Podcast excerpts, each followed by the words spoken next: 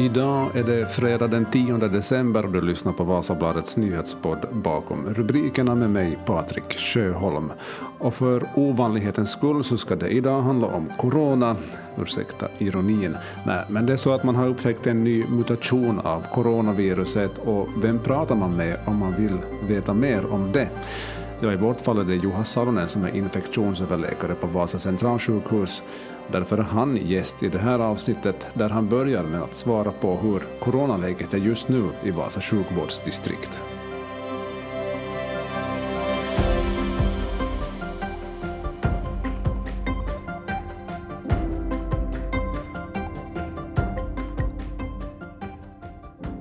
No, läget är här mycket stabilt. Det har varit stabilt på flera veckor redan. Incidenstalet har varit ungefär 100. Det är då och då lite under och då och då lite över, men, ja. men ungefär 100 per 100 000 invånare och, och två veckor. Ja, precis. Uh, vi, vi kommer förstås in på det här att man för en tid sedan upptäckte i Sydafrika det här, en mutation av coronaviruset som har fått namnet omikron. Vad vet man om omikron idag? No, vi vet i alla fall den att det sprider mycket effektivt. Det är klart, det vet vi. Så på så sätt liknar det kanske ganska mycket deltavarianten. Men om det förorsakar allvarlig symptom, allvarligare symptom, äh, sjukdomsbild, det vet vi inte än så väl. Det, det har varit så att de flesta som har fått smittan eller insjuknat hittills har varit ganska unga människor, så det är lite svårt att veta än hur allvarlig kan den där infektionen vara. Mm. Nå, sen är det andra saker. Vi, vi har också tänkt att eftersom det har mutaterat ganska mycket, det här virusen, så det, det kunde kanske vara så att det är möjligt att det kan undvika immuniteten som man har fått från vacciner eller om man har sen fått själva infektionen tidigare. Men det vet vi inte än tillräckligt mycket så vi väntar mer information från världen. Mm, precis. Finns det något, något fall av omikron i, i vårt sjukvårdsdistrikt?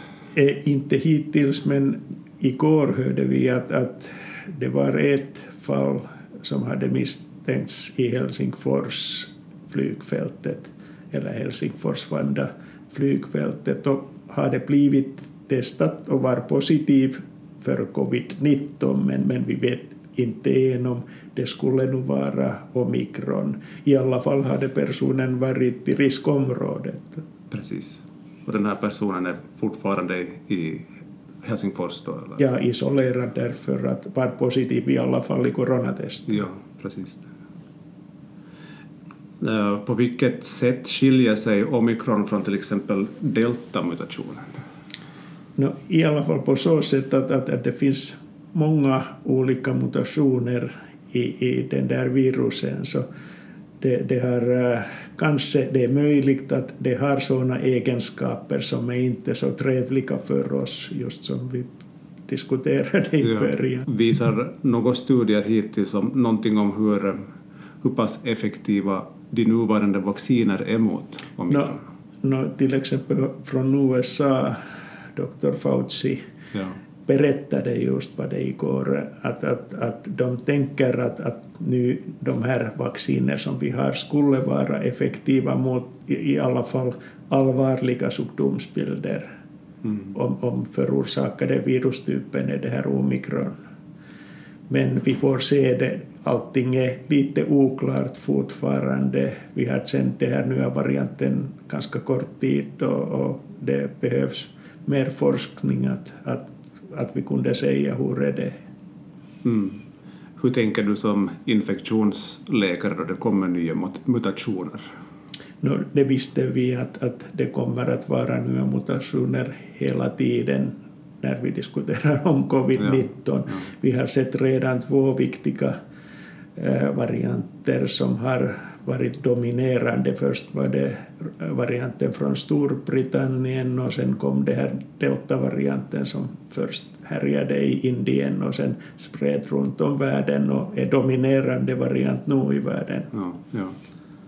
Men eh, om, du får rätta mig om jag har fel, men coronaviruset har ju muterat alltså tu, tusentals gånger under den här tiden som det har funnits. Vad är det som gör att vissa mutationer blir då starkare som beta, delta, omikron?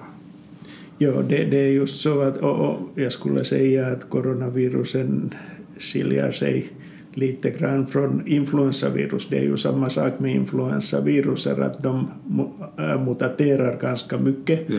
och, och, därför måste vi äh, göra förändringar till vacciner mot dem varje år och välja en sån vaccin som skulle vara så effektiv som möjligt mot den typen som går runt om världen mm. och förorsakar säsonginfluensan. Men, men det tycks nog vara med det här covid-19-viruset att, att det mutaterar ännu mer.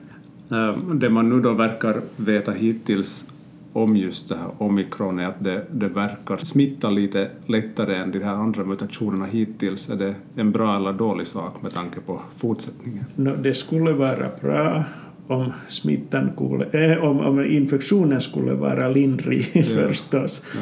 Men, men det tråkigaste möjliga saken skulle vara om, om det skulle sprida effektivt, skulle förorsaka allvarlig sjukdom och om det kunde ändå eh, till den eh, undvika immuniteten, så det skulle vara värsta möjliga saken. Så skulle vi ha en farlig virus som smittar lätt och, och kanske det skulle vara så att vi, vi hade inte effektiva vacciner just nu. Så vi borde göra någonting till våra vacciner, förändra dem effektivt mot det här omikron. Hur, hur, fungerar virus överlag? Vill det, bli, vill det sprida sig så mycket som möjligt eller bli så, så allvarligt som, som möjligt? No, vanligen är det så att, att det skulle vara bra för en mikrob att, att det skulle sprida så lätt som möjligt. Och det är förstås dåligt om det, om det förorsakar mycket allvarlig sjukdom så, så att det skulle hända till att, att människan av, avleder av den. Det bästa skulle vara att omikron orsakar lindriga symptom men smittar lätt. Ja, så hoppades några jag, jag läste från nyheter att var det i Norge de tänkte att det kan vara bra sak om det smittar lätt och om det inte är allvarlig infektion den förorsakar. Men vi får ja. se nu ja. hur är det, det, det vet vi inte än egentligen.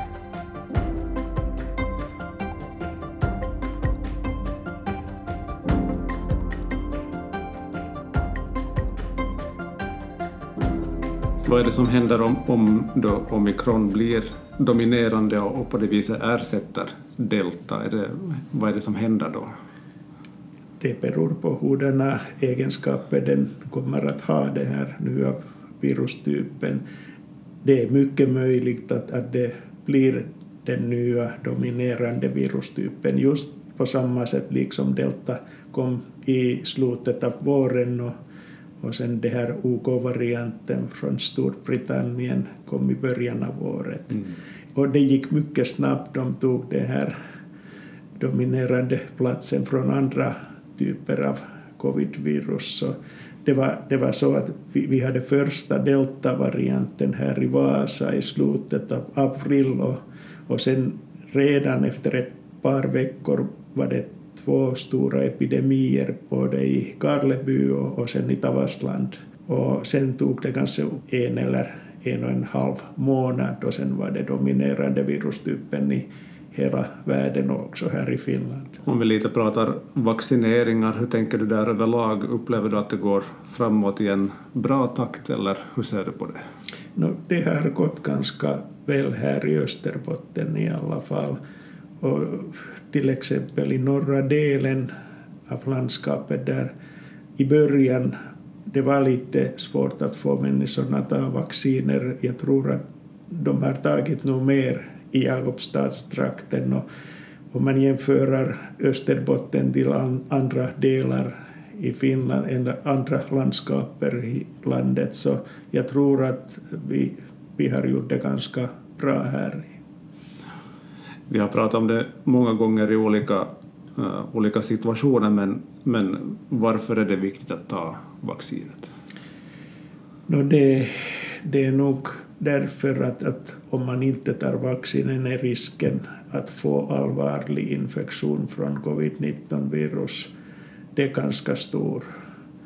Och vi har inte effektiva mediciner eller antibiotika än mot den här virusen, så, så det, det skulle nog vara bäst att, att, att ha vaccinen.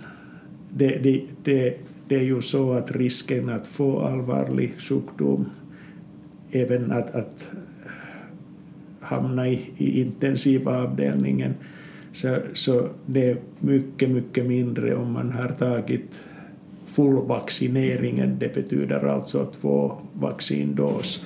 Även om det är så att, att vid tid sjunker den här immuniteten som man har fått från vaccinen, så man kan förbättra det på så sätt att ta den här tredje dosen.